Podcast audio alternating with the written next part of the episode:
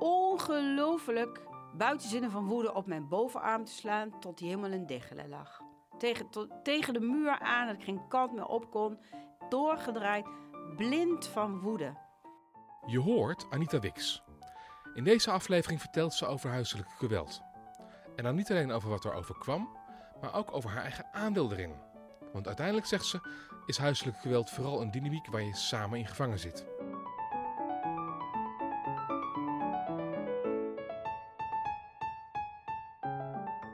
Je luistert naar Podcast Ui, de plek waar we schilverschillend leven afpellen en met de snippers van die ui het leven op smaak brengen.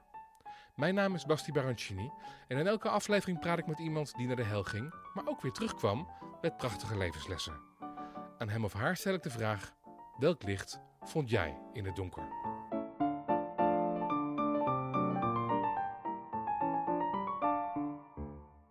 Goed, Anita Wix dus. Tien jaar lang had ze te maken met huiselijk geweld. En in deze aflevering vertelt ze onder meer hoe dat eruit ziet. En wat mij verraste, het gaat lang niet altijd om schoppen en slaan, maar veel vaker om psychisch geweld.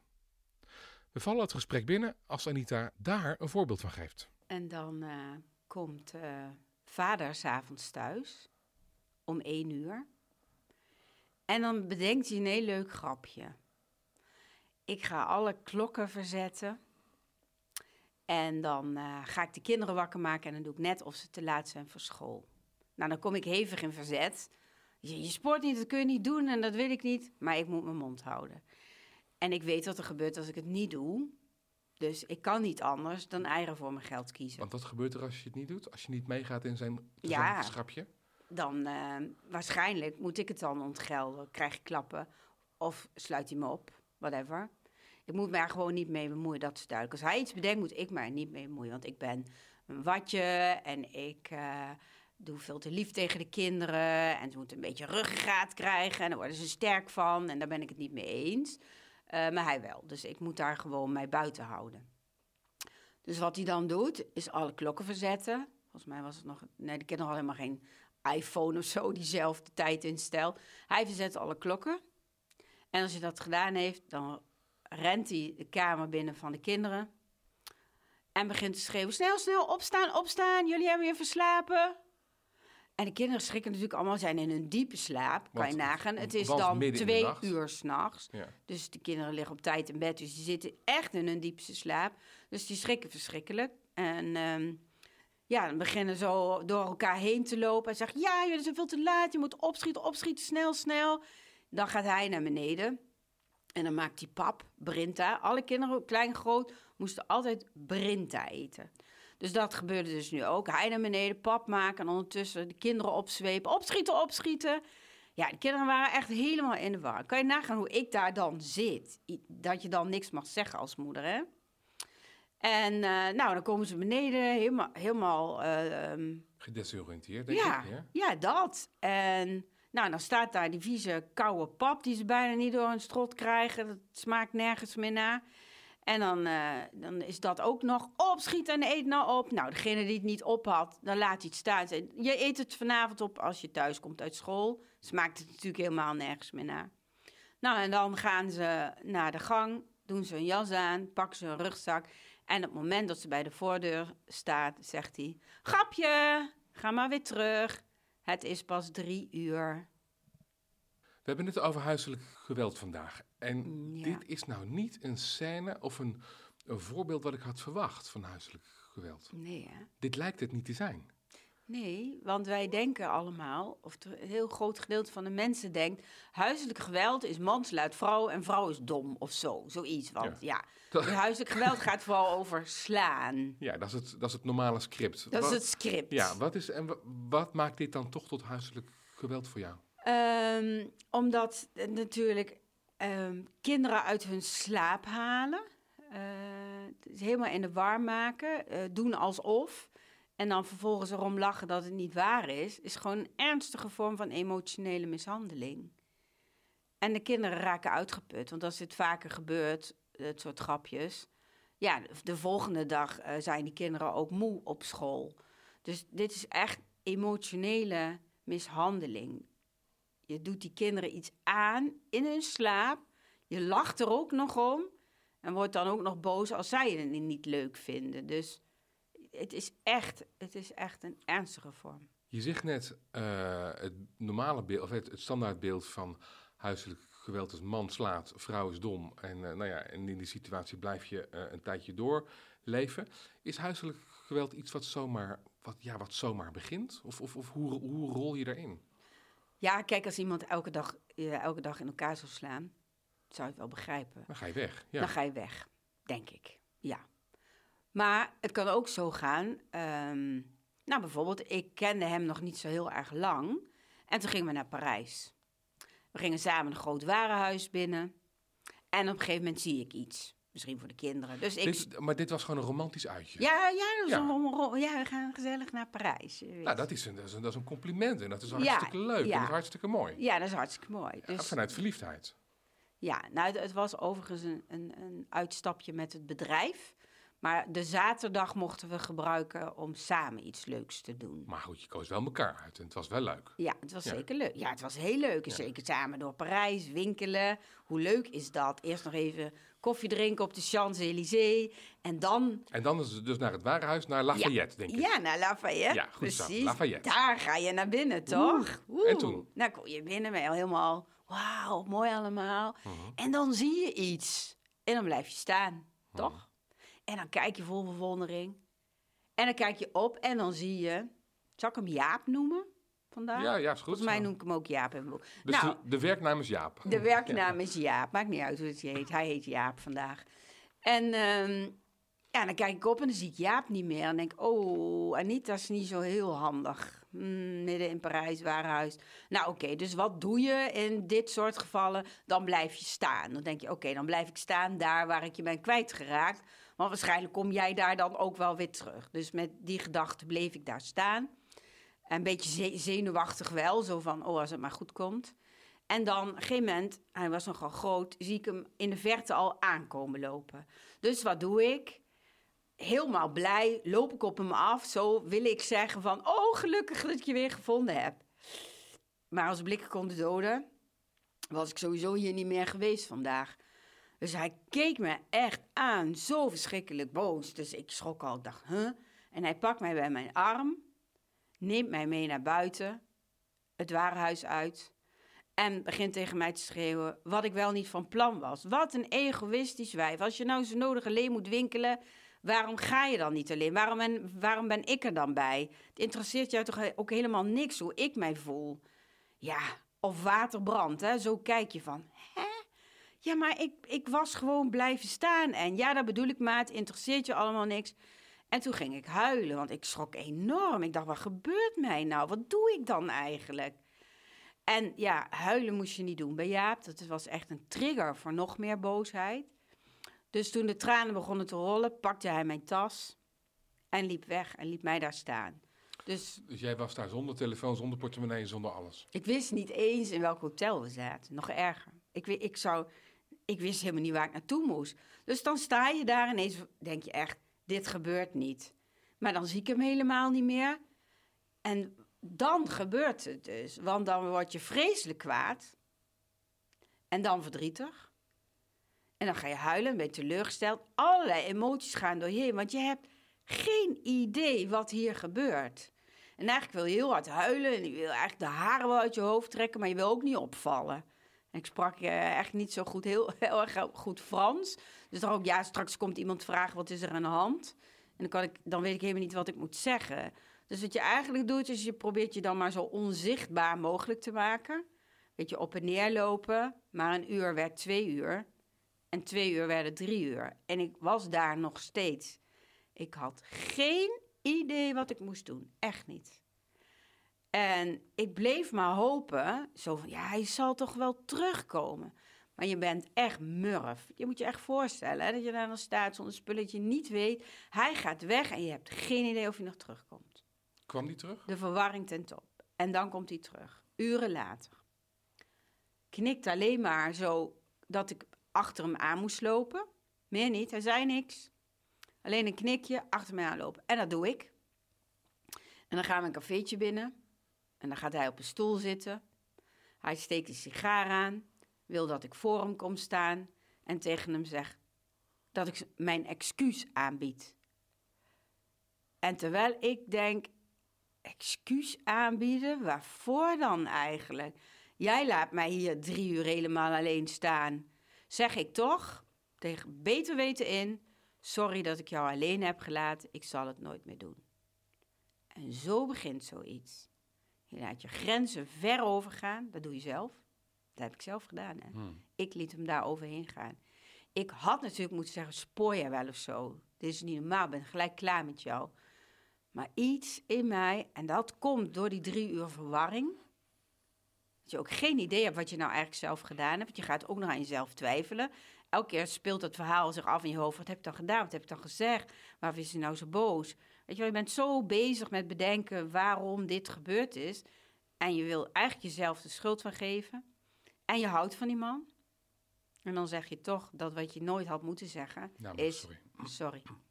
Hey, ehm, er is natuurlijk inderdaad een beeld, en je beschrijft dat net al eventjes, van een man slaat en vrouw is een beetje een, is een, beetje een uilskuiker. Mhm. Die, die, ja, Ja. ja, ja, ja. En waarom, stap je, en waarom stap je er eigenlijk überhaupt in? En waarom stap je er niet uit als het al gebeurd is? Kun je mij beschrijven welke dynamiek hier aan de gang is? Is Daar zo in Parijs, want dit is een, dit is een dynamiek, dit is, dit is manipulatie, denk ik. Het heeft denk ik vooral te maken met het patroon van aantrekken, afstoten. Op het moment. Kijk, je houdt zeker niet van jezelf. Laten we beginnen dat dat wel een voorwaarde is om hier in te trappen. Daar komen we zo direct op. En met name over jou niet houden van, je, van, je, van Ja. jezelf. Maar wat is de dynamiek die hier aan de gang is? Wat je zegt aantrekken, afstoten. Ja, dat je. Dus het afstoten is in dit geval het, het iemand wegschoppen, het Het weer- iemand drie uur lang op en neer laten Ja. lopen. Wat is de aantrekken hier? Ja, dat, de, dat verlangen dat hij terugkomt, dat hij laat zien dat hij toch van je houdt, dat hij voor jou terugkomt, weet je wel, dat, dat zitten te wachten tot iemand terugkomt en daarmee weer zegt, in, jou, in mijn beleving, ja, dat kan, hij kan het toch zomaar niet doen, hij, hij houdt toch van me. En dat moment van terugkomen en ehm, dat hij daarmee laat zien dat hij om je geeft, want dat dacht ik echt zo. Ja, nu denk ik ook als ik het zeg, krijg ik bijna mijn strot niet uit. Maar Hoe lang was je met Jaap samen? elf jaar. Is dit dan ook wat er dan eh, steeds in cirkels gebeurt? Eh, het zeggen, ik hou van je en misschien wel cadeautjes meenemen en, en, en, Ja. en, en, en misschien ook op zijn knieën gaan voor allerlei... eh, hè? Absoluut wel. We konden En, gaan- het, en het wegschoppen. en het wegschoppen. We konden samen gaan fietsen, altijd heel leuk. En dan stonden we, want dat is een moment dat ik nooit vergeet, stonden we bij de, bij de verkeerslicht. En de zon scheen door mijn haar. En hij keek me aan en zei met tranen in zijn ogen... Je bent zo'n godsgeschenk. Je bent echt het mooiste uit de hemel ever. Zo lief, zo mooi, zo zorgzaam. Ik ben zo dankbaar voor jou. Dan liepen de tranen over zijn ogen. En dan smolt mijn hart. Dan was ik zo dankbaar en blij. En dan keek ik hem echt aan. En dan fietsten we verder. En dan kwamen we bij de schuur. En ik moest altijd mijn fiets achterstevoren. Eerst met het achterwiel erin zetten. En dan vergat ik dat. En dan zette ik gewoon mijn fiets er. En dan begon hij te schelden. Jij snapt er ook helemaal niks van. Je bent een kutwijf. En echt de meest grove woorden. En dan ben je toch vijf, nog geen vijf minuten ervoor, ben je de hemel op aarde. We gaan het eh, niet al te lang over hem hebben en des te meer over jou. Misschien komt hij dan in de volgende aflevering, dat weet ik niet. Dit klinkt eventjes heel kort over hem nog als narcisme. Of dit iets, wel een persoonlijkheidsstoornis. Ja, ik, gebruik, ik wil nooit het label plakken om, ik ben geen psycholoog of geen... Ja. Maar ja, het is eh, zeker narcisme of misschien zelfs wel psychopathie. Goed, gaan we toch, dan is tot zover over, over hem. Dan nu over jou. In je boek eh, schrijf jij eh, op pagina 133, en dat vond ik een hele kenmerkende zin. Ik kon niet voldoen aan de eisen van deze man. En dat vond ik zo erg. Ik wilde hem graag gelukkig maken, maar het enige wat ik constant deed was hem kwaad maken. Wat horen we hier? Wat horen we hier voor een vrouw? Ja, daar, die vrouw was eh, zichzelf kwijt. Dat is een vrouw, een, on- naar? een onderdanige vrouw die heel erg afhankelijk is van de liefde van een man. En die man gebruikt die liefde als machtsmiddel. Dat is die vrouw die. Is dat wat het is? Dus jij Ja. bent op zoek naar liefde. Ja, En hij kan dat manipulerend inzetten. Ja. Voor zijn eigen doelen Ja. en gewin. Absoluut, dat is wat het is. Het is liefde als machtsmiddel. Het is geen liefde zoals liefde is bedoeld. Onvoorwaardelijke liefde, dat is er niet. We komen er eigenlijk al twee keer op terug, op die liefde en het gebrek aan zelfliefde. Ja. Eh, is dat een thema in jouw leven? Ja. Waar is dat begonnen? Eh, mijn boek begint ook met omdat ik besta. Ik ben heel onverwachts geboren. Mijn, eh, nog nauwelijks tien maanden na de geboorte van mijn zusje eh, kwam ik ter wereld. En mijn, mijn ouders wisten dat niet. Dus Er ben- zitten, er zitten dus tien maanden tussen, dus dat was niet helemaal de bedoeling. Nee. Nee, dat, Nee. eh, nee, Nee. dat is niet helemaal de bedoeling. Ja. Dus uh, nou ja, het is natuurlijk 58 jaar geleden waren geen echo's of zo. En mijn moeder Ja. gaf borstvoeding. En vroeger zeiden ze, als je borstvoeding geeft kun je niet zwanger raken. En mijn moeder die is getrouwd toen we moesten ook trouwen. Was al vijf maanden zwanger, had een buikje van niks. En dat buikje bleef gewoon.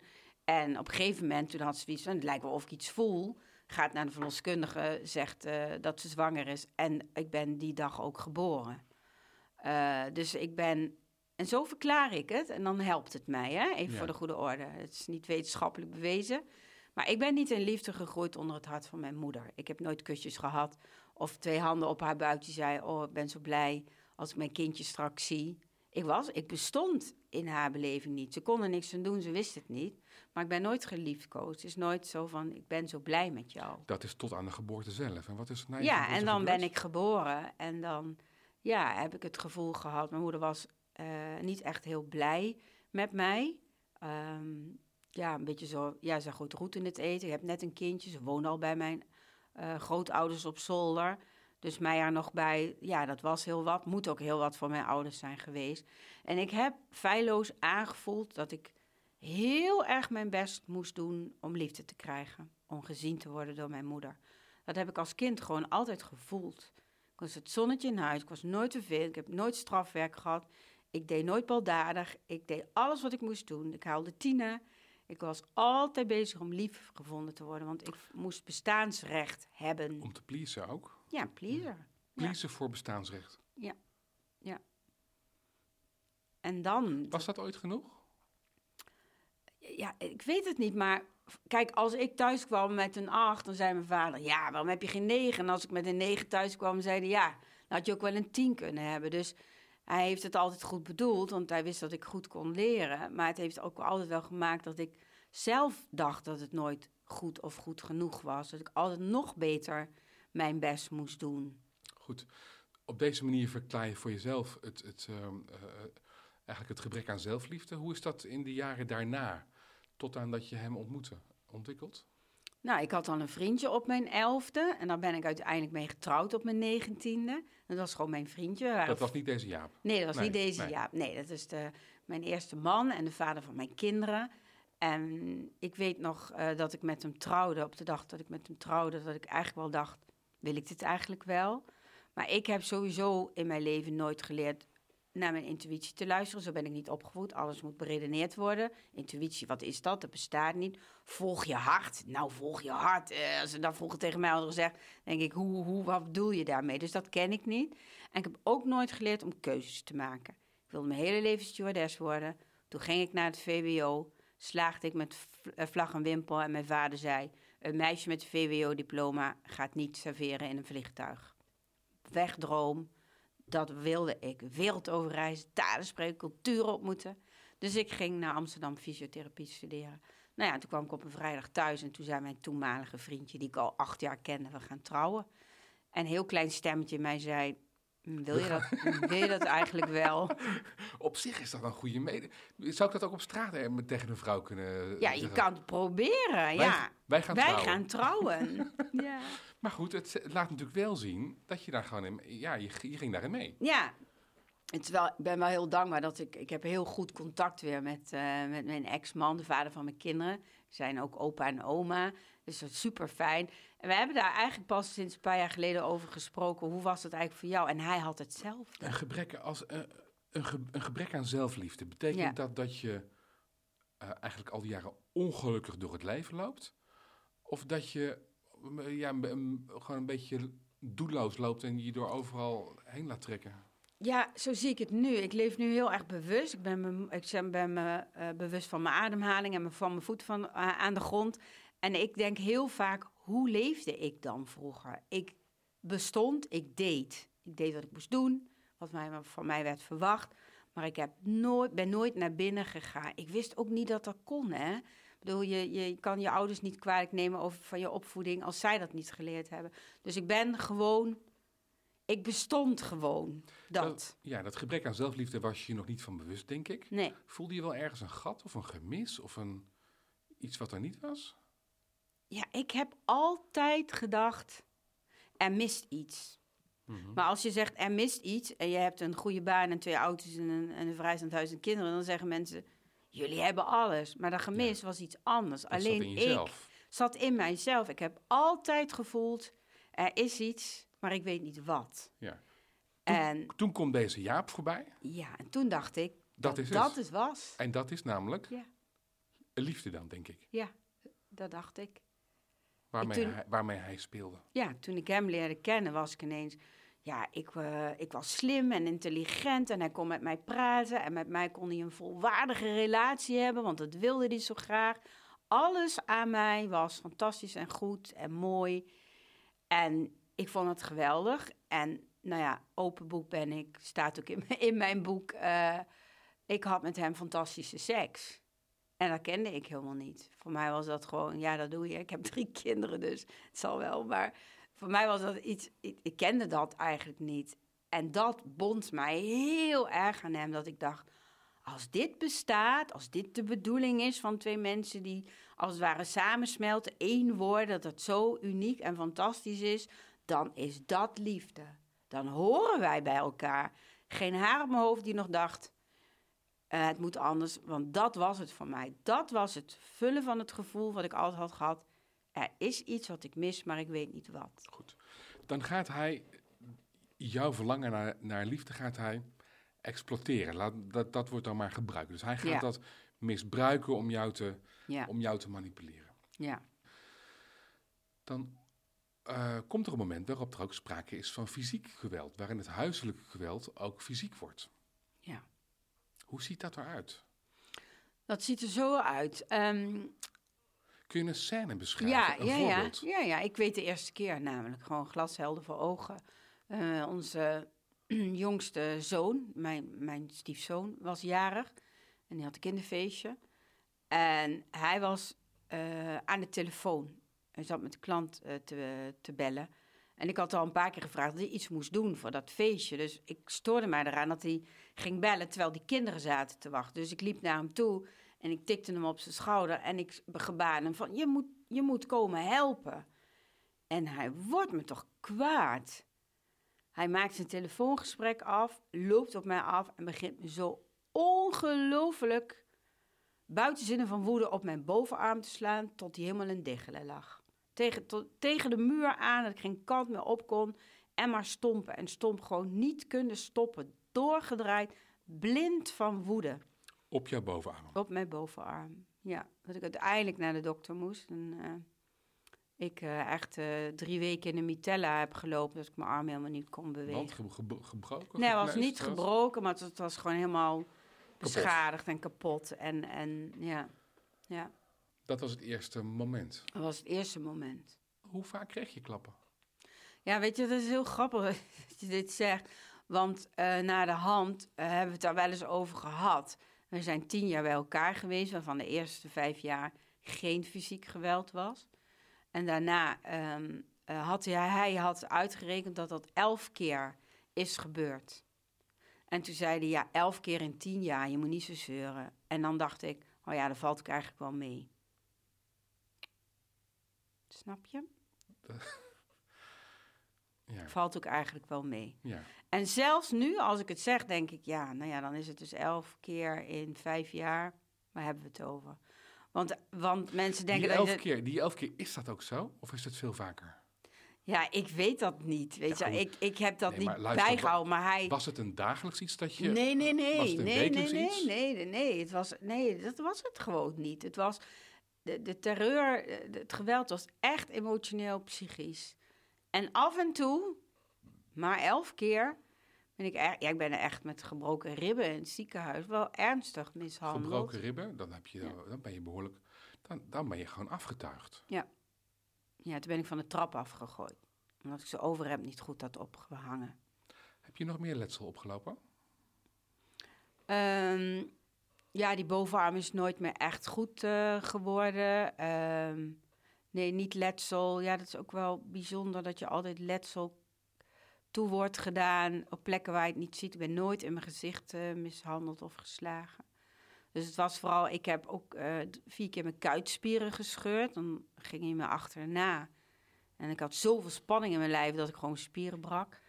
En verder waren het gewoon, het waren nooit botbreuken of zo. Het was gewoon heel veel blauwe plekken, uh, schrammen. Um, Goed, ja. jullie waren elf jaar samen. Ja.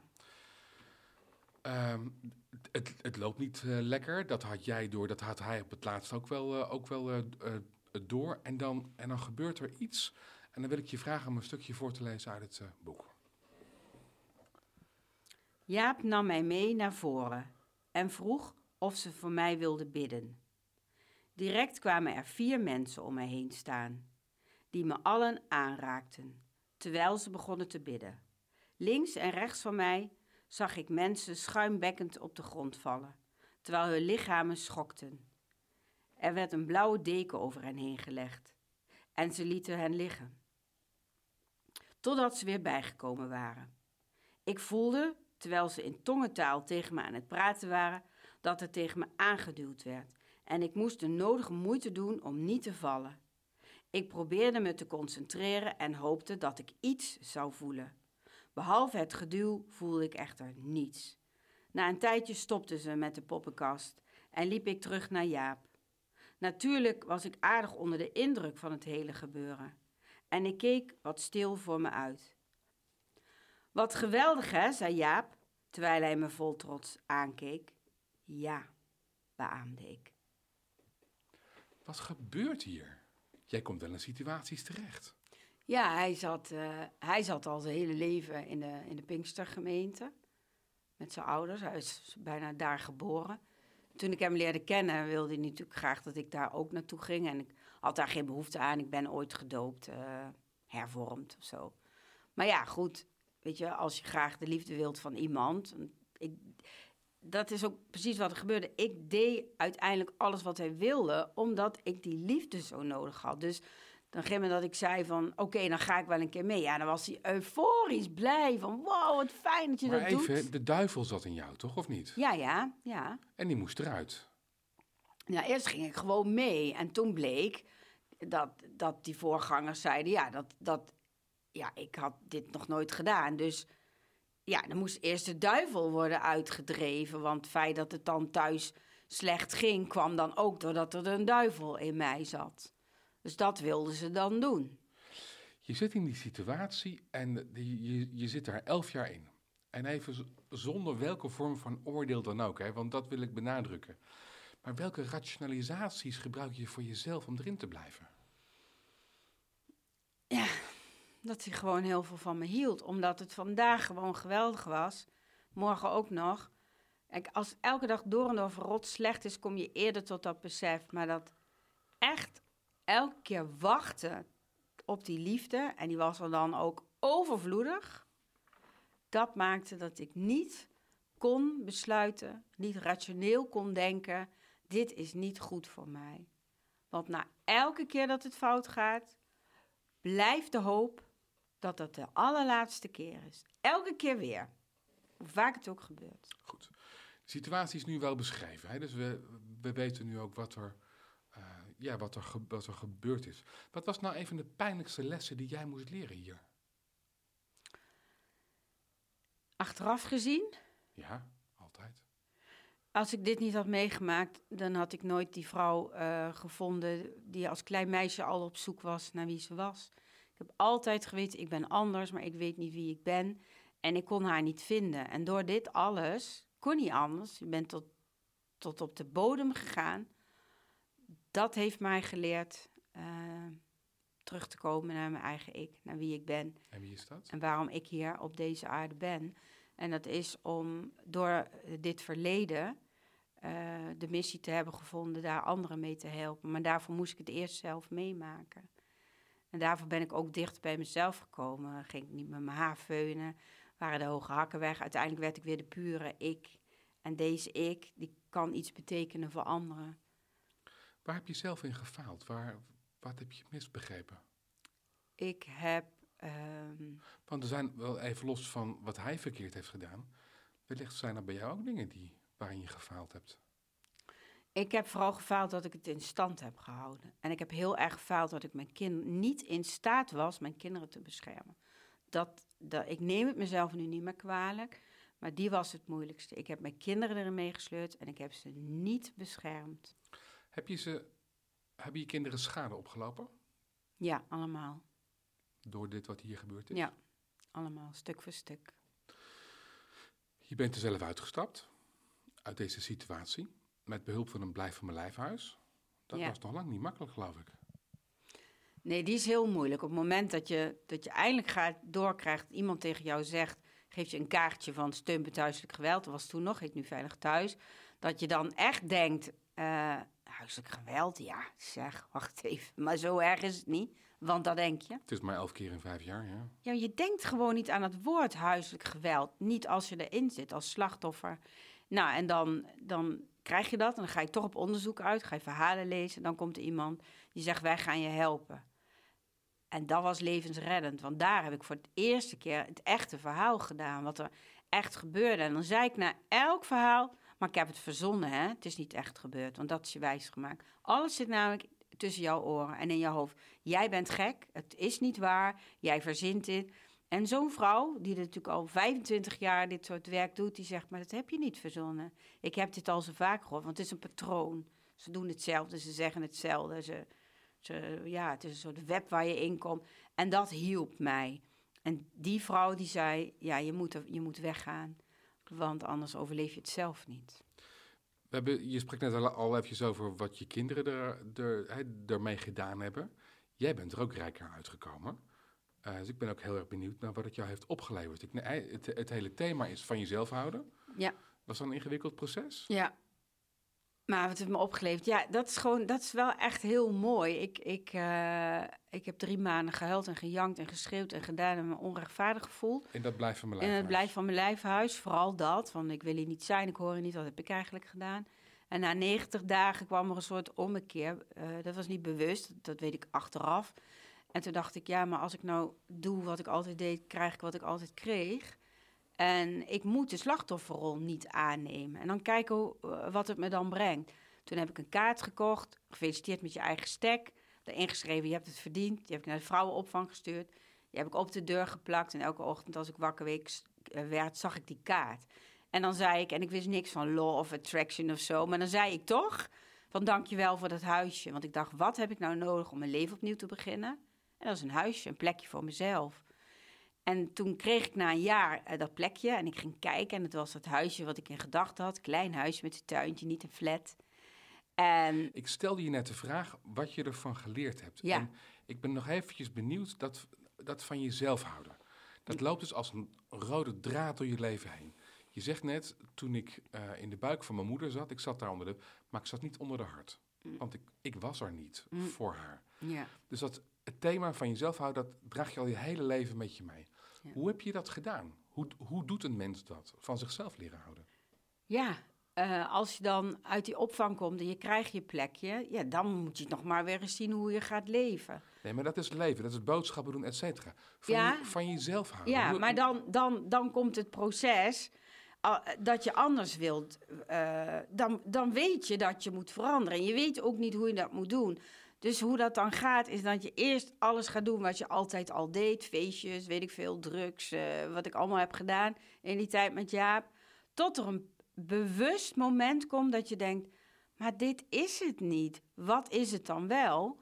Dat is dus, wie ben ik nou eigenlijk en hoe ga ik dan van me... Dan komt het besef, oh, het gaat over houden van. En toen heb ik op mijn spiegel geschreven, ik ben genoeg. En toen heb ik geaffirmeerd en elke morgen als ik mijn tanden poest, ik ben genoeg, ik ben genoeg. Voor de spiegel staan, ik hou van mezelf. Ben ik nee gaan leren zeggen, mensen zeiden... "We- Ik deed altijd alles, want ik ben een pleaser. Ik was een pleaser, ben ik nog een klein beetje, maar, maar niet meer zo. En dat, dat leren, nee zeggen. Ik ben er ook voor mezelf. En dat soort dingen zorgt ervoor dat je van jezelf gaat houden. Dat is het proces. Hele kleine stapjes dus. Hele, hele, er is geen quick fi- fix en er is ook geen handboek. Het is gewoon voelen, ervaren, toelaten, omarmen, verdrietig zijn, boos zijn. Dan ga je van jezelf leren houden. Nee zeggen. Nee zeggen tegen jezelf, ja zeggen tegen een ander. Dat proces heeft jaren geduurd hoor. We hebben het over huiselijk geweld. Ja. Eh, en ik, ben, ik, wa- ik was even benieuwd naar hoe vaak dat nou eigenlijk voorkomt. Dus ik heb daar wat cijfers bij gepakt, bij gezocht. Eh, Centraal Bureau voor de Statistiek zegt dat in de afgelopen 12 maanden, gemiddeld genomen, 1,2 miljoen mensen dit hebben meegemaakt. Ja, dat, 1,2 miljoen mensen in de afgelopen 12 maanden. Waarvan eh, twee derde, dus 800.000, eh, ernstig en structureel. dat Ik vind het schrikbarend. Ja, één melding per zes minuten. Maar ik wil, moet er wel bij zeggen dat in dit coronajaar, om dan toch dat woord maar even te noemen, het extreem, extreem, extreem is verhoogd. Want wat is extreem verhoogd? Nou, eh, omdat wat jij zegt, 1,3 miljoen, eh, het, het lag voorheen lager. Maar door de, door de thuiswerksituatie. Kijk, je bent blij als een pleger de deur uit is. Dan maar als de pleger de deur niet uitkomt, ja, dan, kijk, die heeft al zo'n kort, kort lontje. Je loopt al op je tenen. Dus het, het is echt extreem erg geworden. Ik help natuurlijk heel veel vrouwen, dus het is gewoon niet aan. Want, wat, want er zijn geen cijfers over beschikbaar nog, want het gebeurt terwijl we nu aan het praten zijn. Ja, Wat, wat hoor jij dan dat je dat zegt? nou, vrouwen die DM'en, die sturen mij een, een persoonlijk berichtje of die eh, van ja, ik, eh, ik, weet, ik weet niet meer wat ik moet en eh, kun je mij adviseren? Of gewoon paniek. Is, is er, worden er meer mensen mishandeld Ja. of worden ze vaker en erger mishandeld? Ik denk dat, er, eh, dat het vaker en ernstiger is. Maar waarschijnlijk ook meer. Omdat nu mensen met elkaar, hele gezinnen bij elkaar zitten. Wanneer een van de ouders al een kort lontje heeft. Dat, dat het nu ernstig is. Dat de kinderen er niet naar school gaan. Dus het is, denk ik, is het allemaal vaker ernstiger. Jij zegt net, elke zes minuten is er een melding. Ja. Wij, zitten, dus, eh, wij zitten straks ongeveer een uurtje te praten, vermoed ik. Ja, we, haal- we knippen er nog wat uit. Ja, Het betekent dat er tien meldingen gedaan zijn ja in heel Nederland tijdens, tijdens dit gesprek. absoluut. Is er bij jou nooit gemeld?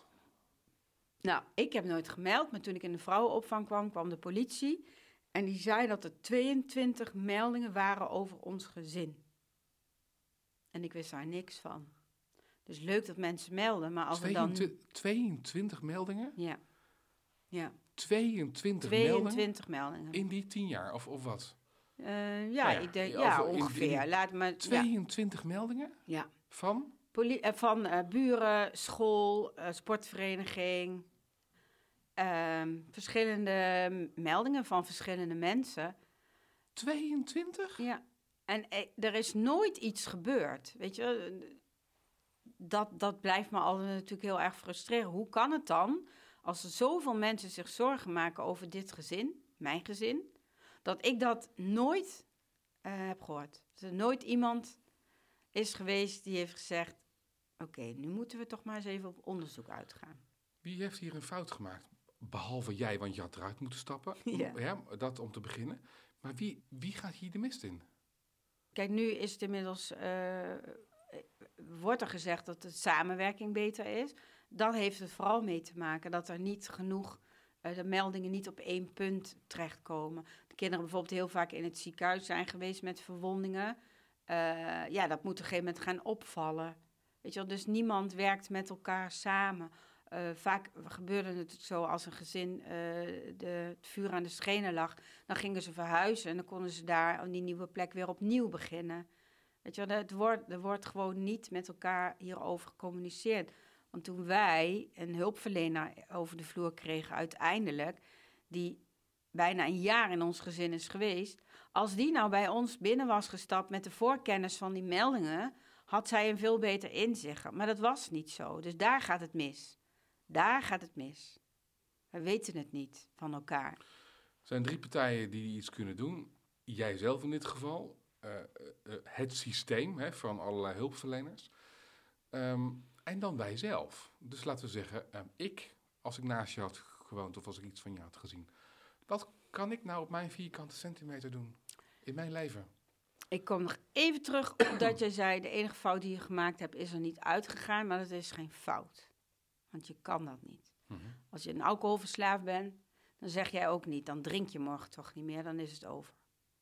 Dus als je in een huiselijk geweld situatie zit, heb je ook tijd nodig om daar los van te komen. Mhm. Dus dat is nooit een fout als je dat niet doet. Maar je zegt net wel, ik had er eigenlijk uit moeten stappen. Want Ja. toen ik je vroeg, Ja, waar- ja, ja. waarin heb je gefaald, toen noemde je dit. Ja, dat wel. Maar dat is, zie ik, ik zie het niet als een fout. Dus maar- falen is geen fout. Goed zo, oké. Ja, dan. Ja, Dus dat hebben we nu recht gezet. ja.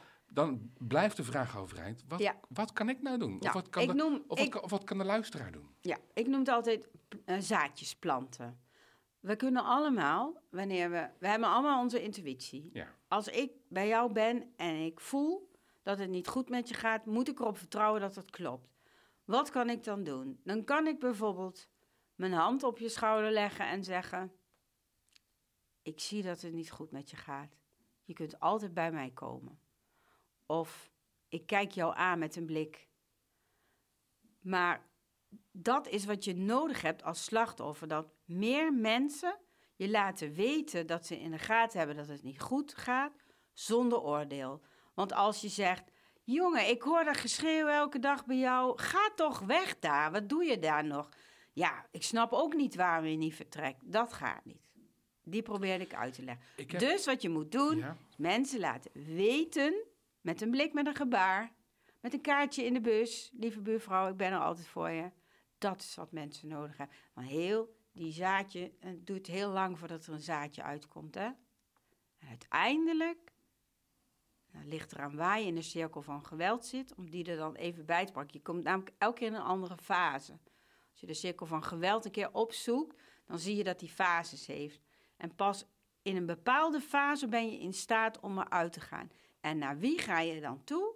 Naar die mensen die hebben gezegd, lieverd, ik zie dat het niet goed met je gaat. Je kan altijd bij mij terecht. Daar ga je naartoe. En als jij die buurman bent, die een paar keer heeft gezegd tegen de buurvrouw of de buurman, ga niet helemaal lekker met je, maar hey, ik ben er wel voor je. Dan komt hij naar jou. Of komt zij naar jou. Het is niet het antwoord wat ik van je wat, wat ik had verwacht, maar ik vind het wel inspirerend. Ik heb hier bovenburen en eh, het ging een behoorlijke tijd niet zo heel erg lekker daar. Zij komt niet uit Nederland en ik heb het gevoel dat ze steeds achter haar kinderen aanliep. Dus was de hele dag was ze aan het schreeuwen met van die diepe keelklanken om ze te corrigeren. Echt de hele dag. Ik heb toen een melding gemaakt. Ik dacht dat dat het antwoord was, was wat je zou gaan geven. Melden, melden, melden. Nee. Ik had dus veel beter tegen haar kunnen zeggen: hé, hey, het gaat niet zo lekker. Ja. Kan ik je ergens mee helpen? Ja. Dat, dat is echt, echt, echt het antwoord hierop. Want ja, eh, je hebt waarschijnlijk wi- willen melden, maar het niet gedaan omdat je dat niet eh, anoniem mag, mag doen. Dus dan krijg je net als in mijn gezin 22 meldingen, maar niemand heeft er iets mee gedaan. Dus je kan beter als je buurvrouw ziet zeggen... "Och, je, hebt, heb je, je hebt het druk, hè? Dan kan ik misschien een keer iets voor je doen. Of eh, ga, dat. En, Dan- zo- dan- en zonder oordeel. Zonder oordeel. Je kan er van alles bij bedenken, maar oordeelloos hier, een, hier laten weten dat je er voor diegene bent. Als diegene daaraan toe is. Als die buurvrouw misschien helemaal een keer er doorheen zit, dat ze denkt: Oh, ik kan wel even bij mijn buurman aanbellen voor een bakje koffie. Dan help je iemand. Dat gaat ze niet doen, maar ik begrijp toch je boodschap. Dan heb ik toch nog één laatste vraag voor je. Je schrijft op de allereerste pagina van je boek, schrijf je... Ik ben hem dankbaar voor de tijd samen. Die verbaasde me. Ja, hè? Ja, Als je leert eh, in liefde te leven, leven en zonder oordeel, en dat is wat ik doe, dan ga je inzien, en zo voelt het voor mij. Ik denk dat mensen het er ook misschien niet mee eens zijn. Maar laat, laat ik het dan zeggen dat ik het als mens liever niet had meegemaakt. Maar de ziel, de ziel in mij, heeft dit nodig gehad om te worden wie ik ben. En om er andere mensen nu al tien jaar lang mee te helpen. En daarvoor ben ik dankbaar dat ik, dit, eh, ja, dat ik hem heb gekend. Jezelf gevonden en je plek in de wereld. En mijn plek in de wereld en mijn missie. Anita Wix, ontzettend bedankt. Dankjewel. Jij bedankt, Basti.